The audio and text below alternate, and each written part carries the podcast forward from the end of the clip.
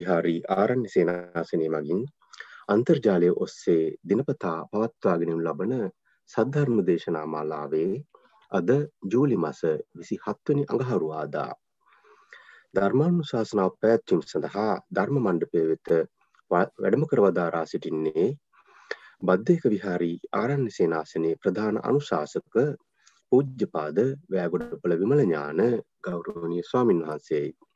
අපගේ ගෞරවනීය ස්වාමින් වහන්සේට පාද නමස්කාර පූර්වකව සාදුකාරයක් දී පිළිගනිමු. සාදු සාදු සාදු.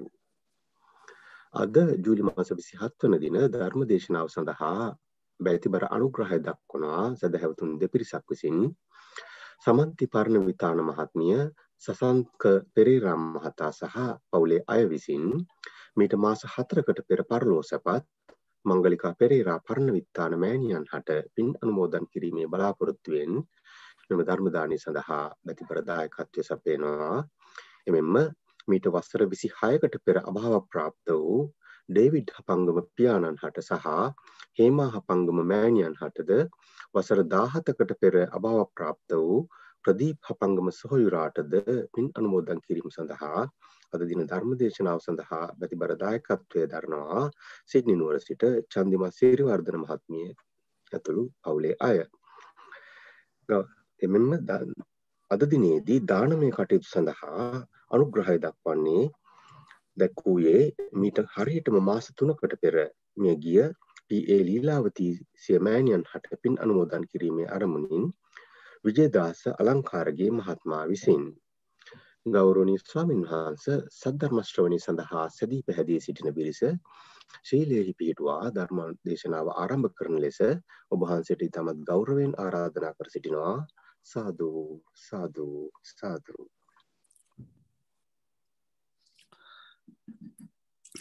සිරු දෙනාටම තෙරුවන් සරණයි.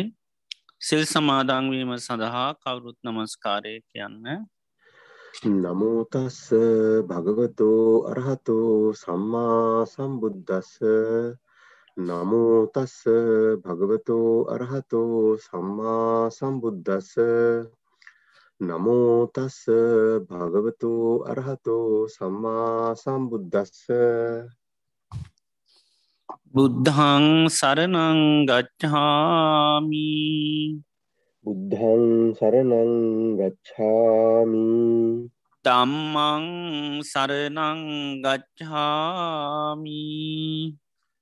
ධම්මං සරණං ගච්ඡාමි. සංඝං සරණං ගච්ඡාමි.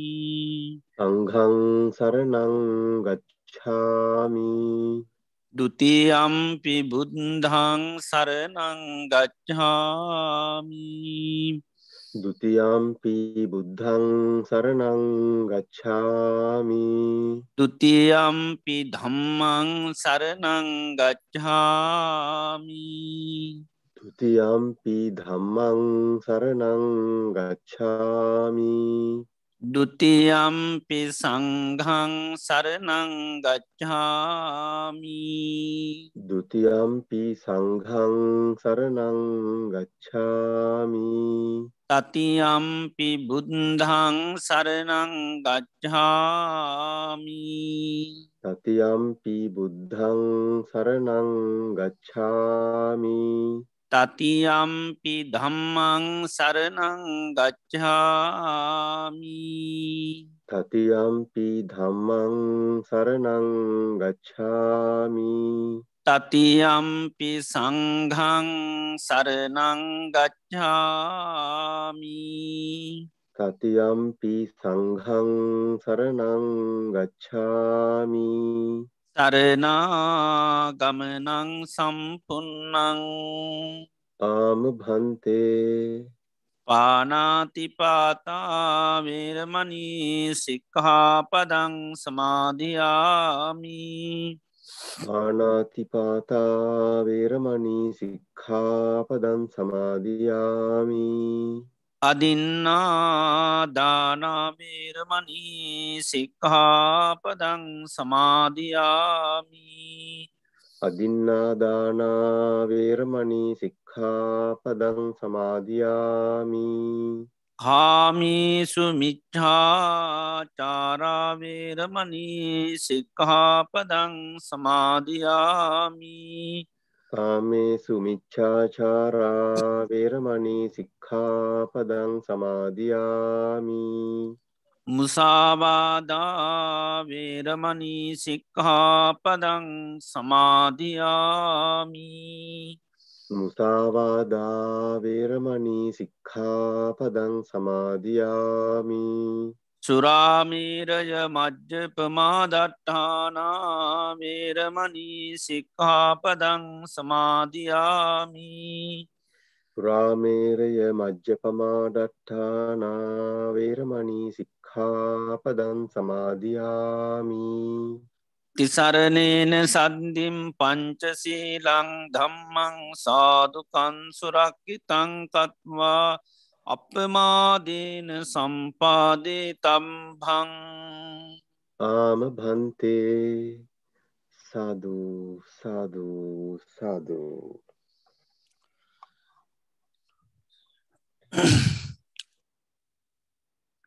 හොඳයි සියලු දෙනාම. තමන් ඉන්න ඉරියව්ව පහසුවෙන් තබාගන කවුරුත් ඉන්න ඉරියව්වට සිහිය පිහිටුව ගන්න. මම මේ මොහොතේ ඉඳගෙන ඉන්න කියලා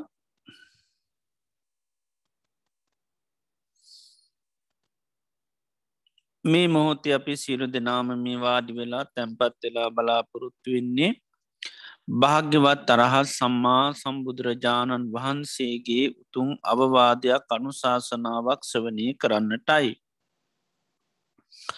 භාග්‍යවත් බුදුරජාණන් වහන්සේම දේශනා කරා මේ ලෝකයේ බුදුරජාණන් වහන්සේ නමක් පහළවෙන්නේ තාම කලාතුරකින්. උන්වහන්සේ දේශනා කරන ලද ධර්මය පවතින් නිතා කලාතුරකි. එම ධර්මයේ දේශනා කරන අය පහළ වෙන්නෙත් කලාතුරකි. එම ධර්මය සවනය කරලා තේරුම් අරගෙන ඊට අන්කූලෝ කටයුතු කරන අය පහළ වෙන්නේ ඉතාම කලාතුරකි. මේ ලෝකයේ මේ දුල්ලභ කාරණ අපේ ජීවිතවලට සම්මක වෙලා තියෙනවා. භාග්‍යවත් බුදුරජාණන් වහන්සේ මේ ලෝකයේ පහළ වෙලා උන්වහන්සේ දේශනා කරපු එවතුන් සේ සද්ධර්මය මේ මිහි පිට පවති නවදියකති අපි මනුෂ්‍ය ජීවිතයක් ලබල උතුන් කල්්‍යාන මිත්‍ර ඇසර තුළින් එම ධර්මය සෙවනය කරලා තේරුම් අරං ඊට අනුකූලෝ කටයුතු කරන්නටත් අපිට භාග්‍ය වාසනා උදාවෙලා තියෙනවා. අපේ ජීවිතවලට මේ ලැබුණු උතුන් අවස්ථාව මේ දුල්ලබ මොහොත මේ උතුම් ප්‍රතිලාබය අපිට තවකොතේ කාලයක් පවත්වන්න පුළුවන්ද කියන කාරණය අපි කාටුවත් කියන්නට බැහැ හේතුව තමයි අපේ ජීවිතය ගැන්න හරිම තාවකාලිකයි. බුදුරජාණන් වහන්සේ ජීවිතය උපමා කරන්නේ හරියට තනාගතීන පිණිබිදක් වගේ. තනාගතීන පිණිබිඳ ඕනම මොහොතක බිමට පතිත වෙන්න පුළන් කිසිම හයියක් හත්තියක් නැහැ. ජීවිතය කියන්නේත් එහෙමයි ඕනම අවස්ථාවකද ඕනම කාලයකද ඕනම වෙලාවකද ජීවිතය මරණයට පත්වෙන්නට පුළුවන්. එනිසා ජීවිතය කියන්නේ කිසිම හයියක් හත්තියක් තියෙන එකක් නෙවේ. ඒ වගේම ජීවිතය හරියට කඳුමුදුනකින් ගලන ගංගාවක් වගේ. කඳමුදුනින් ගලන ගංගාව හැම්ම මොහොතේම පහලට ගලනවා. ගංගාව කිසිම මොහොතක් නතර වෙන්නේ නෑ. ජීවිතය කියන්නේ එහෙමයි. උපන් දවසේ ඉඳලා උපන් මොහොතේ ඉඳලා ජීවිතය වේගෙන් ගලාගෙන යනවා මරණය කරා. ඒ මරණය කරා ගලාගෙන යන ජීවිතය කිසිම මොහොතක නතර වෙන්නේ නැහැ. ඒවගේම ජීවිතය කියන්නේ හරියට මරණයට නියමුණු ගවයෙක් වගේ. ගවයෙක් මරණ තැනකට රැගෙන යනකොට තියෙන සෑම පියවරකිම ලංවෙන්නේ මරණීට අපේ ජීවිතත් එහෙමයි. මේ ගෙවන හැම දවසක් පාසාම රාත්‍රියක් පාසාම පැයක් විනාඩියත් තප්පරයක් පාසාම ජීවිතය පියමන්න ගන්නේ මරණීටයි. එවගේම ජීවිතය කියන්නේ හරියට දිය ඇඳ ඉරක් වගේ. දිය කැන්දීර වහාම මැකෙනවා. මැකී යන ඉර කවදාක්වත් දකිින්ට ලැබෙන් නැහැ. ජීවිතයත් එහෙමයි. යන් දවසකමේ ජීවිතය මරණයෙන් මැකී යනවා. එ මරණය මැකී යන ජීවිතය අපිට අය කවදාක්වත් දකින්න ලැබෙන්නේ මේ විදිහට ගත්තාම ජීවිතය කියන්නේ කිසිම හයියක් හත්තියක් නැති වේගේ මරණය කරා යන්න මරණය කරාපියමන්නගන මරණී මැකි යන ජීවිතයක්. මරණය අපිට නොයෙක් හේතුවන්ගේ මුත් සිද්ධ වෙන්නට පුළුවන්. අපි කණබොන ආහාරපාන බැරි වෙලාවක් වසක් විසක් වුණොත් යන එනකොට පය හැපිල ලිස්සල වැටනු සතෙස් සර්පය දෂ්ටකරොත් මනුෂ්‍ය අමනුෂ්‍ය කරදරවට ලක්වුණොත් වාත පිතසෙම තුන්දොස් කිපුණොත් පරිහරණය කරන නොයෙක් දේවල් මුල් කරගෙන බාහිර ඇතිවෙන ගංවතුර නායම් ඒවගේම මේ වසංගත රෝගාදී දේවල් මුල් කරගෙන ජීවිතය මරණීට පත්වෙන්නට පුළුවන්. එනිසා ජීවිතය හරිමතාව කාලිකයි මරණය අපිට ඒ කාන්තිම සිද්ධ වෙන එකක්. ඒ නිසාම අපි මේ ගත කරන්න අපි ජීවිතය අවසාන කාලය වෙන්න පුළුවන්. අවසාන මාසකීපේ සතිකීපේ වෙන්ඩ පුළුවන්. සමාර වෙලාවට අවසාන දවස වෙන්නටත් පුළුවන්. එම නිසාම මේ අපි අවසාන බනෑසීම දේශනය වෙන්න පුළුවන්. ලෝතරා භාගවත් බුදුරජාණන් වහන්සේගේ ධර්මය අපට හැමදාම සංසාරය අහන්ඩ ලැබුන්නේ ති මේ මොහොත අපිට ඒ භාග්‍ය වාසනා උදාවෙලා තියෙනවා. එනිසා අපේ මනස බාහිර අරමුණුවලට යන්න නොදී මේ දේශනයට මුල්ලු දෙසවම්ම යොමු කරගෙන මම මේ ධර්මය අවබෝධ කරගන්නවායකින දැඩි මානසකත් ඇති කරගෙන අපි භාගවත් බුදුරජාණන් වහන්සේගේ උතුන් අවවාද යනු ශාසනාව සවනී කිරීම සඳහා කවුරුත් සාධකාරයක් පවත්තුමි. නමෝ තස්ස භගවතු වරහතු සම්මා සම්බුද්ධස්ස නමෝ තස්ස භගවතු වරහතු සම්මා සම්බුද්ධස්ස නමෝ තස්ස භගවතු වරහතු සම්මා සම්බුද්දස්ස. දසුත්තරම් පවක්කාමී දම්මන් නිබ්භානපත්තියා දුකසන්ත කිරියාය සබ්බ ගන්ත පමෝච නන්ති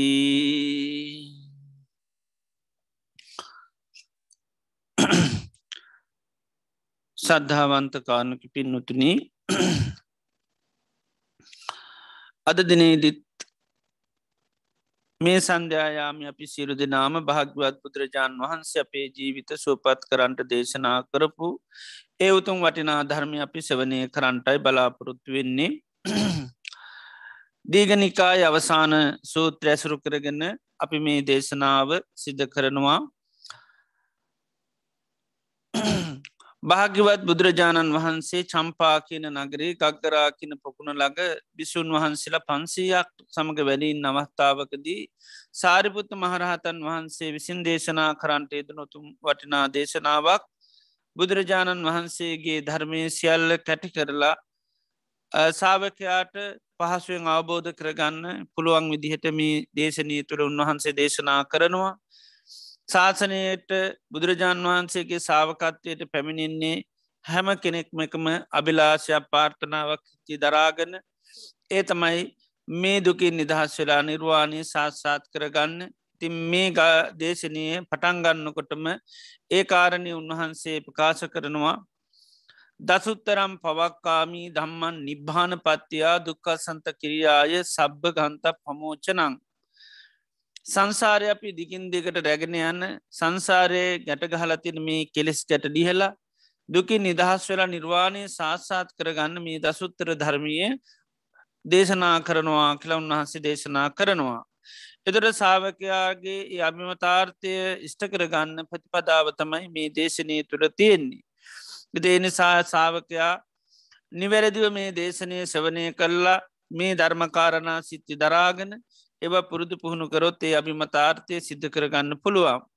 එතර නිර්වාණය සාස්සාත් කරගන්න සීරු දුකින් නිදහස් වෙන්න කෙලෙස්කට ලිහාගන්න උන්වහන්සේ මෙතන උපකාරක ධර්ම දේශනා කරනවා. ඒ වගේම සාාවකයා දියුණු කළ යුතු ධර්මතා දේශනා කරනවා. අවබෝධ කරගත යුතු දේශනා ධර්ම දේශනා කරනවා. පහතබ්බ ධර්ම දේශනා කරනවා.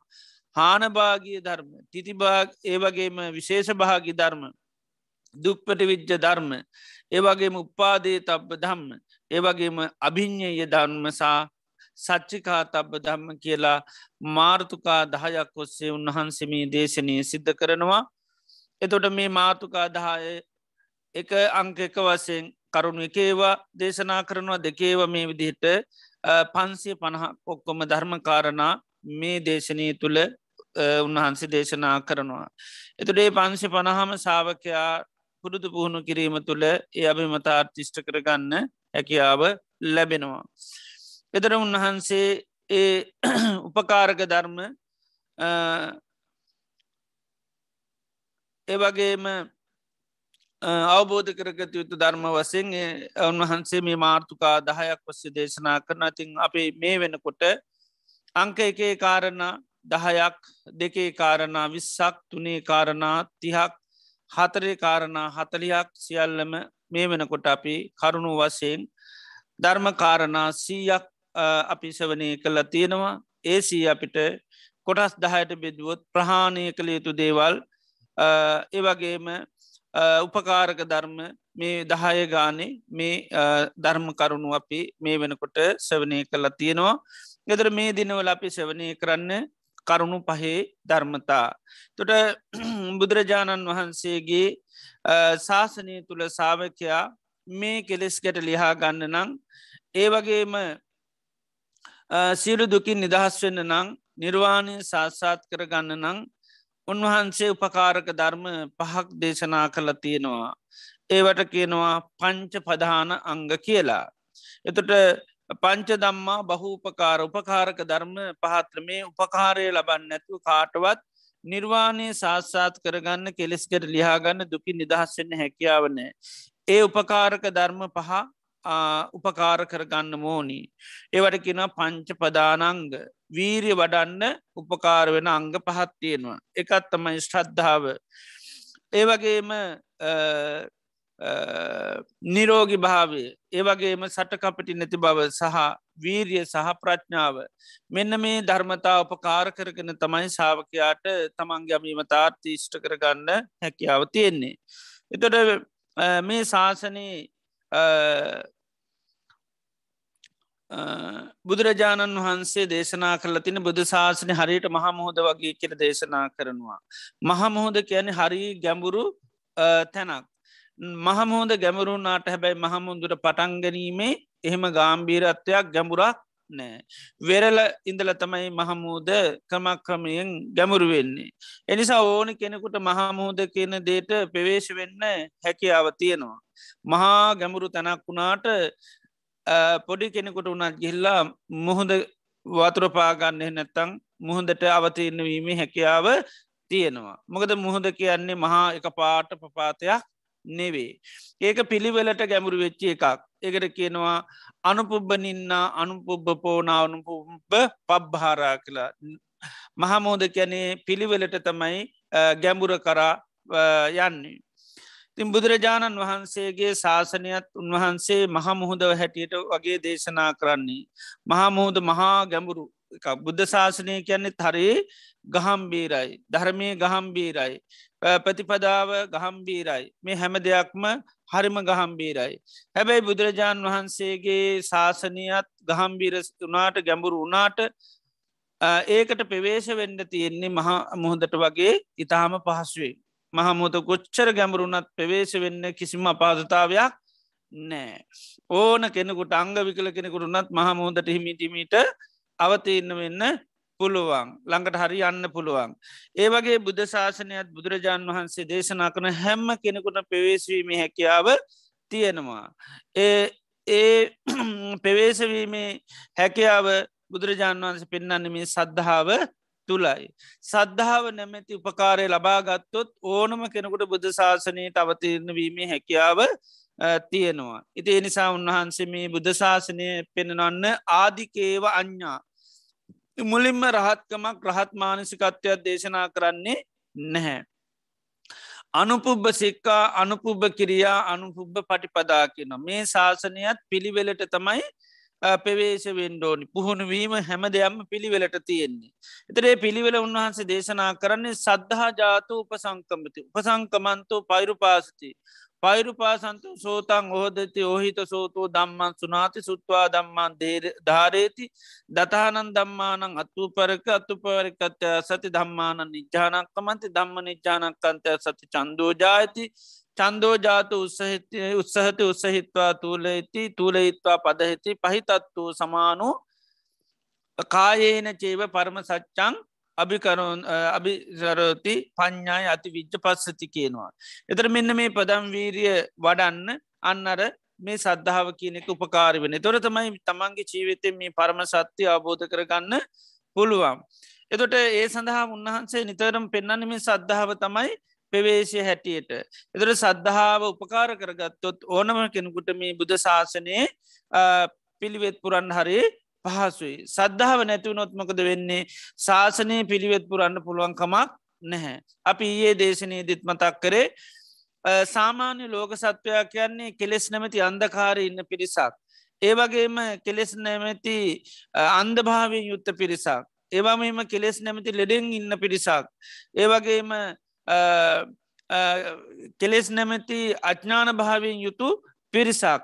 ඉති එනිසා සාමාන්‍ය ලෝකයාට බුදුරජාණන් වහන්සේගේ ධර්මය කියන්නේ හරිම ගැඹුරුයි. ඒගේ ධර්මය තේරුම් ගණ්ඩුවත් ලේසි පහසු වෙන්නේ නෑ. දැන් කරුවලේ ඉන්න කෙනෙකුට දේවල් දකිනවා කියන්නේ යට හිතාගන්නුවත් බැරි දෙයක් බවට පත්වෙනවා. අන්නේ වගේ තමයි මේ කෙලෙස් සහිත ලෝක සත්වයටත් එහෙමයි. එතොට හැබැයි මේ ලෝකයාට මේ මේ කෙලෙස් සහිතව මේ කෙලෙ සඳකාරඉන්න කෙනාට මේ ශාසනයට ප්‍රවේශවීමේ හැකියාවක් තියෙනවා. ඒ පේවේශ වෙන්න තියෙන හැකියාව තමයි මෙන්න මේ සද්ධාව කියන එක. සද්ධාව නැමැති උපකාරය ලබාගත්තොත් පුද්ගලයා අන්ද වනාට යට ප්‍රශ්නයක් වෙන්නේ නැහැ. අන්ද කෙනෙකුට යන්න බෑකිල එකක් නෑ. එයාට තවත් කෙනෙකුගේ උපකාරයමත ඔන්න යන්න පුළුවන්. ඒවගේම අන්ද කෙනෙකුට දේවල් දකිින්ට බෑ කිලෙක්කුත් නෑ සමහර දේවල් එය දැනගන්නවා දැනගන්නේ හැබැයි තවත් කෙනෙකුගේ උපකාරය මත. එනිසා කරුවල ඉන්න අන්ද මේ වගේ අයට අන්න අයගේ උපකාරය මත දේවල් කරකයාගන්න හැකියාව තියෙනවා. ආනේ වගේ තමයි බුදුරජාණන් වහන්සේගේ ධර්මය කැන හරි ගැමුරුයි.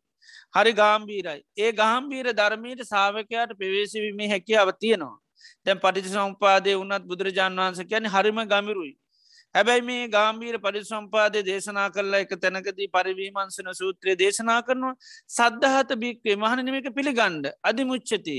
මේ පිළිබඳ ස්තීර අදහසක් ඇති කරගන්න නික්කන්තා මේ පිළිබඳ සැක සංකා විචිකිච් ඇති කරගන්න එපා. එදට අපිට දැන් සෝතාපන්නමයකොට මේ පටිචු සමුපාදය කියනක තමන්ගේම පත්්‍යේශ ඥානයක් බවට පත්වෙනවා. මේ පරිි සම්පාද ධර්ම මුල් කරගෙන ඥාන පවා සෝතා පන්නයට ඇතිවෙන් අපි පෞගේ දේශනාවලද සත්‍ය සත්තති ඥාන චතු චත්තාරිසක ඥාන මේවා සෝතා පන්න වෙනකොට ලබාගන්න හැකියාව ලැබෙන මේ පටිච සම්පාදය අවබෝධය නිසා. එතොට මෙන්න මේ සෝතා පන්නය ලබන මෙන්න මේ ඥානයන් සද්ධාවෙන් සාාවකයාට ප්‍රවේශවීමේ හැකියාව තියෙනවා. ඒකට එයා නිතරම ඒ ඥාන තමා තුළ නැතුනාට මේ ඥාන භාග්‍යතුන් වහන්සේ අවබෝධ කරගත්තේවා. ඉතින් සාාවකයට පුළුවන් සද්ධාව තුළින් එතෙන්න පෙවේශ වෙන්න. ඒවගේ පරිදි සම්පාද අපිට තේරෙන් නැතිවෙන්න පුළුවන්. හැබැයි අපිට තේරෙන් නැතුනට අපිට පිළිගන්න බැරි ප්‍රශ්නයක් නෑ. වේදනාවක් හටගන්න හැම මොහොතේම එක ස්පර්ශය නිසාටගන්නේ කළ පිළිගන්න බැරි ප්‍රශ්නයක් නෑ. ඒ පිළිබඳ ස්තීර අදහසත්තියෙන් ොන්. ඒක මේ ලෝක කාටවත් වෙනස් කරන්න බැරි වෙන්ඩෝනි. ඒවගේ පරිසම්පාද ඕනම ධර්මයක්. අපිට පුළුවන් වෙන්න ඕන් පිළිගන්න. සලායතන කියනකට අපි දන්න නාමරු පටගත්තු සලායතනට ගන්න නාමරූප නැතුනත් මේ සලායතන නැති වෙනවා. ඒක එනි සලායතනයට අනිත්‍යය කියන්නේ. එතර ඒ අපිට තේරෙන් නැතිවෙන්න පුළුවන් ඇ අනිත්‍යය කියන අපිට තේරෙන්නේ හැබැයි අපිට පිළිගැනීම හැකියාව තියෙනවමක ඒක භාගතුන් වහන්සේ අවබෝධයක්. ආන්නේ අවබෝධය පිළිගැනීමට සමයි සද්ධාව කියල කියන්නේ. සද්ධහති තතාගතස්ස බෝධී. ඒ විදියට මේ බුදුරජාණන් වහන්සේගේ ධර්මය පිළිබඳව මූලික බුද්ධ දේශනා තුළ විශේෂයෙන් පටි සම්පාද ඉළඟට පංචුපාදානස්කන්ද චතුරාර් සත්‍යය මේ වගේ ධර්මතා පිළිබඳව සද්ධාව පිහිටවා ගන්නට ඕනි. ඒ සද්ධාව පිහිටවා ගත්තොත් තමයි යන්දවස කවබෝධ කරගන්න පුළුවන්. ඒවගේ මේ ධර්මය අර්ථත් එහෙමයි. ද අපි හැමදාම සමහල්ලාට දේවල් අහනවා. ඒ හවට සමහල්ලාට ඒත් අපිට හරියට විචිකිච්චා සක සංකාවලින් යුත්තයි. එහෙම විචිකිච්චාව තියෙන සද්ධාව නැතිව නහම. දැන් සෝතා පන්න වෙනකොට ඒ සද්ධහ පිහිට හිද තම විචිකිච්චාව කියන එක නැතිවෙන්නේ. ප්‍රතිපදා පිළිබඳ සෝතා පන්නයට කිසිම සැක සංකාවක් නෑ. ධර්ම කරුණු පිළිබඳුවත් කිසිම සැක සංකාවක් නැහැ. ඒ අය ඒවා පිළිබඳව ආබෝධයට පත් වනා ඒ අබෝධය කරාගේ සද්ධාවෙන් මුල් අවදීදී අයවා පිළිගන්නවා. ඉති එනිසාම ධර්මාර්ථ වසයනුත් අපි සද්ධාවෙන් පිළිගණ්ඩෝනි දැ නිබ්බාන කියනකට අප පිළිගණ්ඩෝ නිර්වාණය කැන තන්නහාව නැතිවීම ඔය පිළිගැනීම තියෙනවා නම් අපි අර සෝතා පන්න කෙනෙක් වගේ කාටුවත් වෙනස් කරන්න පුළුවන්කමක් නෑ. එනිසා ඒ වගේ දැන් සමාධිය කියනකොට අපි පිළිගණ්ඩුවන් සමාධිය කියනම ගදද යාචිත්තස ඒකක්ගතා යන්තත සමාධි හිතේ එකගතාවේ තමයි සමාධී කියල කියන්න. එද සමාධිය වැඩීමෙන් සිද්ධ වෙන්නම කදද සිතේ තියෙන රාගේ අහිංගෙනවා. ඉති ඒක පිළිගණ්ඩෝන්. එතොට සමාධිය ඕන්නෑ කිව්වත් කවුරරි සමාධිය බුද්ධ ශාසන උගන්නන්නේ කියයි. ඉති ඒ වගේ කියනකුට අර එයට කිසිම හෙල්ලීමක් වෙන්න හිතේ. ඇයි එයාර සද්ධාව තුළ ඉන්න කෙනෙක්. ඒකයි. සද්ධාව තුළ ඉන්න නිසා යාව වෙනස් කරන්න කාටුවත් පුළන්කමක් නෑ කාලය සමාධි වරල ඉතින් එයා සමාධීන් බැහර කරන්න බෑ. මකද එයා සමාධී පිළිබඳව පිහිටවාගත්ත පැහැදීමත් තියෙනවා. සද්ධාව තියන එක බුදුරන් වන්සේ අවබෝධයක්. ති එයා අවබෝධය පිළි අරන්තියන්නේ ඉති එනිසා මේ සද්ධාව නැත්තං එකයි වීරිය වඩන්න පුළුවන්කමක් නෑ. නැතන් කෙලෙස් තමන්ට විදිහක් නෑ. නිවම් මඟට අවතිරන්න වෙන්න විදිහක් නෑ. මහමෝද වගේ ගැමුරු ශාසනයට ප්‍රවේශවෙන්ට විදිහක් නෑ. සද්ධාව නැත්තං ඉතිේ නිසා සද්ධාව අපි ඇතිකර ගණ්ඩු නත සද්ධහ ඇතිකර ගන්න බුදුරජාණන් වහන්සේ පහල වුණා. බුදු ශාසනය හොඳයි. ඒවත් පිළිගැනීන් තමයි.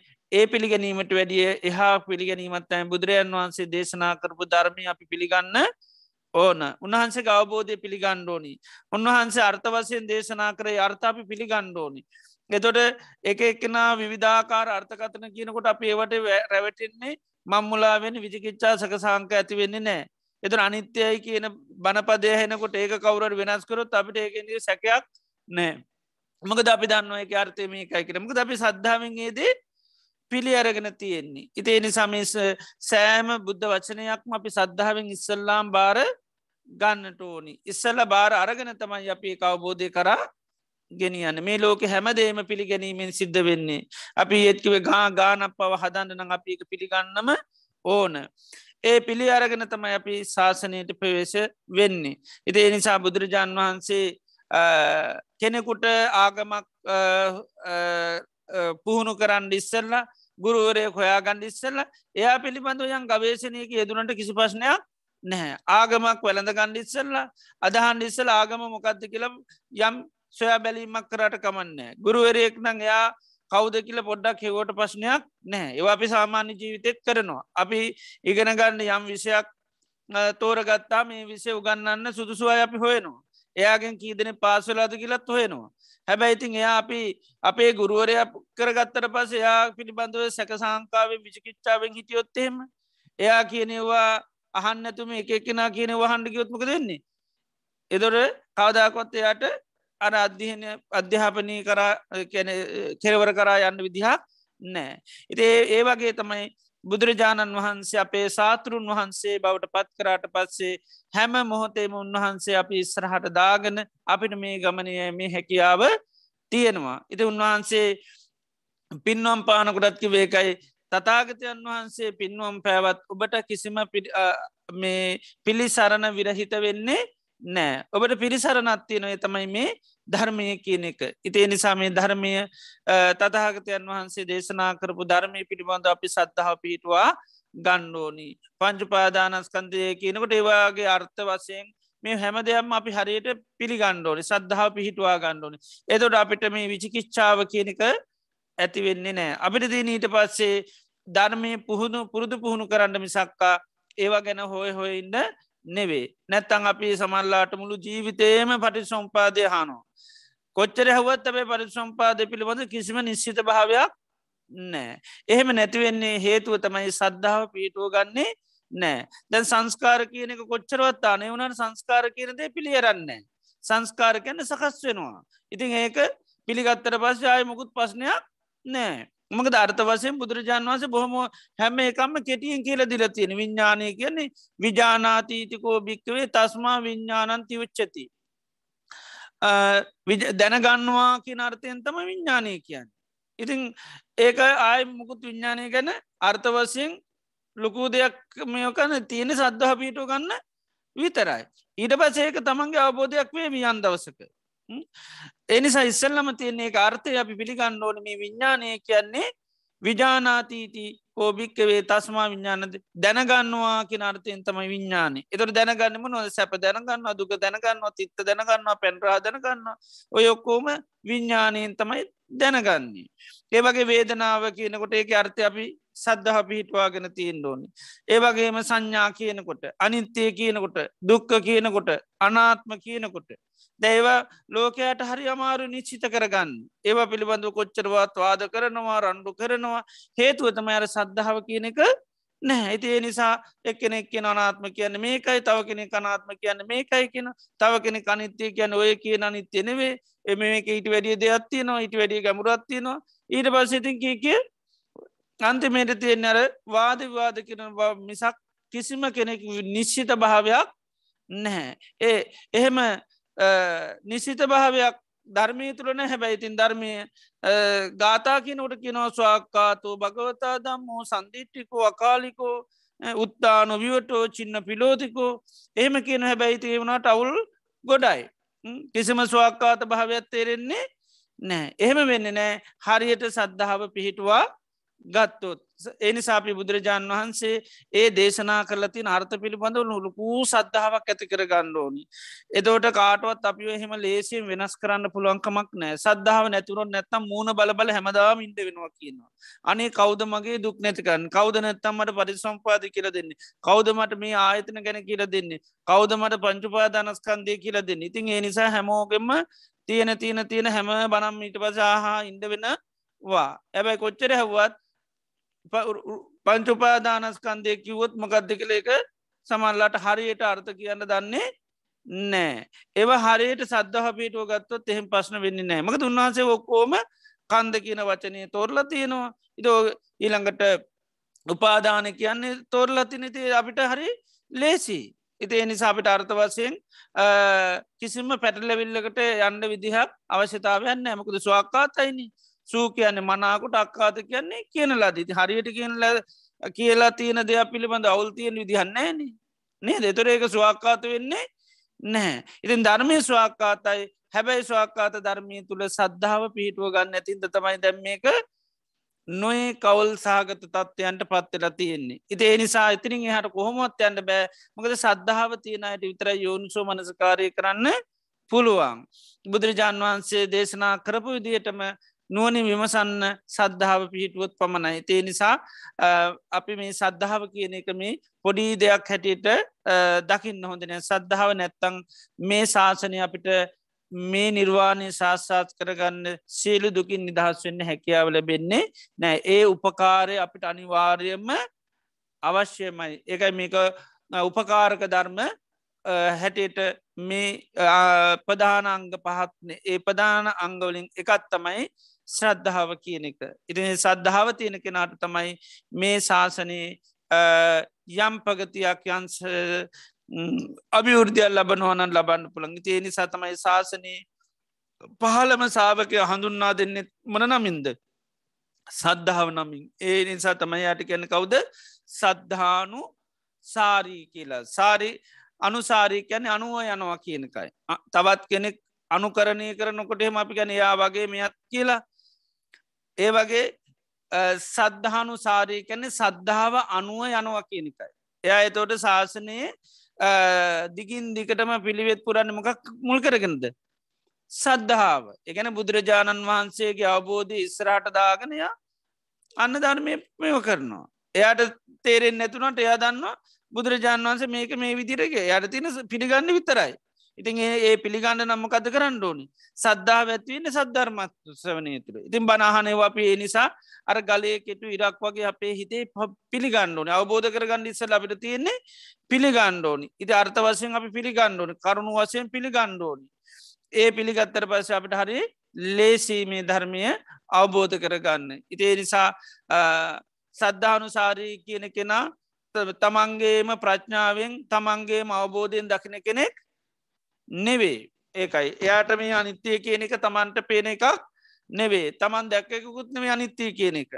එද ඒවගේ හැම බණපදයක් මෙහෙමයි චතුරාර් සත්‍යය කියනක තමන්ගේ අවබෝධයක් නෙවේ හැබැයි චතුරාර් සත්‍යය පිළිබඳව යායට කිසිම සැකයක් සංකාව විචිකිච්චාවක් නැහැ. එතර ඒ සැකය සංකාව චිකිච්චා වන්න ඇතෙයි. එයා චතුරාර් සත්‍යය පිළියරන්තින්නේ අර බුදුරජාන් වහන්සේගේ අබෝධය ඉස්සර හට දාගන්න. ඉති එනිසා හැම්වෙලේම අපි බුදුරජාණන් වහන්සේගේ අවබෝධ ඉස්්‍රහට දාගන්න ඕනි. ආනේ අවබෝධ ඉස්්‍රහට දාගන යනයට තමයි සද්ධානු සාරී කියල කියන්නේ. ඒව හරි ලස්සන්ට බුද්ධ වචනයම තින එකයි. චක්කුම් භික්කවේ අනිච්චම් විපරනා මං්‍යතා භාවම නැත්තැන්කෙන රූපම් භික්කවේ අනිච්චම් විපරනා මං්‍යතා භාවි විඤ්ඥානම් භික්කවේ අනිච්චම් විපරනා මං්‍යතා භාවි යෝ ඉමේ දම්මා සද්ධහති අධිමුච්චති යමෙක් මෙන්න මේ දේවල් සද්ධහති ගැන පිළිගන්නවා නම් අධි මුච්චති ගැන ස්තීරල සිතාගන්නවා නම් අයං උච්චති භික්වේ සද්ධානුසාරයාන්‍ය අරතමයි සද්ධානුසාරී කියන්නේ. එතර උන්වහන්සේගේ අවබෝධය පිළිගත්තම සක් අවබෝධය අවබෝධ කරගත්ත කෙනෙක් නෙවේ.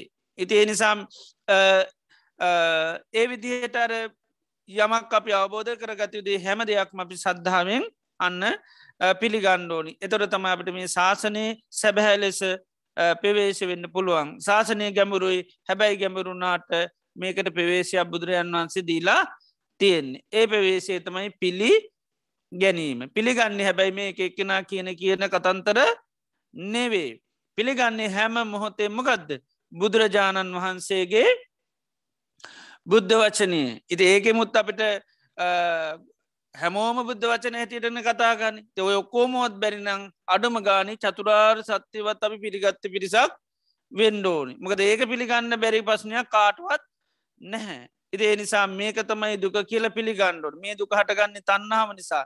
තන්නාව නැතුනොත්තමයි දුකින් නිදහස් වෙන්නේ. දුකින් නැති නිදහස් වෙන්න නම් මං ආර්යෂ්ඨාංක මාර්ගය ගමන් කරන්නම ඕනි. ඉති ඕක පිළිගන්න මේ ලෝකෙ බැරි කෙනෙක් නැහෙනං එයාට එක කංහෙන් නැතිවෙන්ඩෝන් එක ඇස්පේෙන් නැතිවෙන්ඩෝන් එක මන්ද බුද්ධික වෙන්ඩෝනි අනිත් අයට පුළුවන් හැබැයි අයි කැමති නෑ ඒදේ කරන්න. මක දෙයා ඒ අය හිත්වල තියෙන්නේ සද්ධාව වෙනුවට අස්සද්ධාව තියෙන්නේ.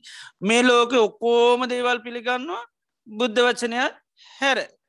හැම එකක්ම පිළිබඳව කිසි පස්්නයක් නෑ තරක කරන්නේ රණ්ඩු කරන්න එහෙම කෝමද මෙහෙම කෝමද කියලහන්න හැබැයි යථාර්ථයත් එක තමයි මිනිස්සුන්ට ඔක්කෝ මරගල අර්බුද තියෙන්නේ. ගණනක් කියනකොට හොඳට කන්තා යොමු කරග නාගෙන්ද කියන විදිට හදනවා. හැබැති භාවනාවක් කරේ මේ මනුවර කියල් දුන්න මේකත් එකතම ඔන්න ඉට පස ප්‍රශ්න නගන්නේ. ඉති එහෙම ඒකයි තියන්නේ අත්සද්ධාව නිසා. අපි සංසාරය පුරාවට හැමදේම පිළිගත්ත පිරිසක්. මේ හැම දෙයක්ම පිළියරං අපි මේ කෙලෙස් පාවිච්චි කරන්න පිළියරං ඒවාගේ කොච්චන අනන්ත භාවඇතිබුණත් අපි පිළිය කරන්තියන්නේ ඒකෙන් අපිට සැපේ සතුර සොම්න්නස ලබා දෙනවා කියලා. ඉතිේ නිසා මෙන්න මේ ශ්‍රද්ධාව නැමැති අංගය තියෙනවා නං එයට මේ ශාසනයේ ලොකූ උපකාරය ලබාගන්න පුළුවන් ලොකු පිළිසරණන් ලබාගන්න පුළන් මෙන්න මේ උපකාරය ලබා ගත්තොත්.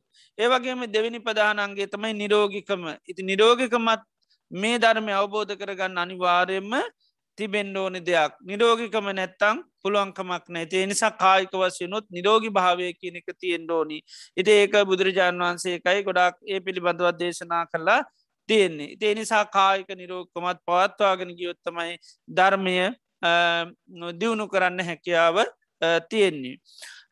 ඒවගේම තමයි මේ ධර්මය අවබෝධ කරගන්න තවත් උපකාරකම ධර්මයක් තමයි අසටෝ අමායාවි යථභූතන් අත්තානං ආවිකත්තා සත්‍රිසවා විඤ්ඥූසු සබ්‍රහ්මචාරීසු. ඒවගේම ශාසනයේ පිහිට පිළිසන්න ලබන්න විශේෂෙන් මේ නිර්වාණය සාත්සාත් කරන්න කෙරෙස් ගැට ලිහාගන්න දුකි නිදහස් වෙන්න මෙන්න මේ උපකාරය ලබන්න ඕනේ තමයි පුද්ජලය අනිවාර්යම කපටි නැති කෙනෙක් වෙන්ඩෝනි. මායා නැති කෙනෙක් වෙන්ඩෝනි. තමාගේ ස්වභාවය විඤ්ඥූසවා සබ්‍රහ්මචාරීසු නුව නැති සබ්‍රහ්මචාරීන් වහන්සේලාට තතාගතයන් වහන්සේට තමන්ගේ ස්වභාවය අත්තානං ආවිකත්තා කැන තමා පකට කරන්න ඕනි තමන්ගේ තියෙන ස්වභාවයන් ඉස්මතු කරන්න ඕනි එහෙම ඉස්මතු නොකරොත් එහෙමකද වෙන්නේ එයාට මේ ශාසනය පිළිසරණක් ලබන්න බැහැ. බුදුරජාණන් වහන්සේ උදුම්බරී සිංහනාද සූත්‍රයේදී නිග්‍රෝධ කියලා තාපසිකුරු දේශනා කරනවා. යමික්ෂ කෙනෙක් අපිට නැත්තා මායාන නැත්තං ඒ වගේ කෙනෙක් උන්වහන්සේට උදේ හම්බුනොත් එයාට හවසෙනකොට යාව පුහුණු කිරීමේ හැකියාව තියෙනවා. එනිසා මෙන්න මේ බුදශාසනයේ දියුණුව ලබන්න සාාවකයා තුළ තිබිය යුතු ප්‍රධාන ගුණාන්ගත්තයි මේ කපටි නැති කෙනෙක් පෙන්ඩෝනි මායා නැති කෙනෙක් පෙන්ඩෝනි. කපටි වුණොත් මායා වුණොත් ශාසනයේ කාටවත් පිළිසරන්න ලබන්න බෑ. එදොට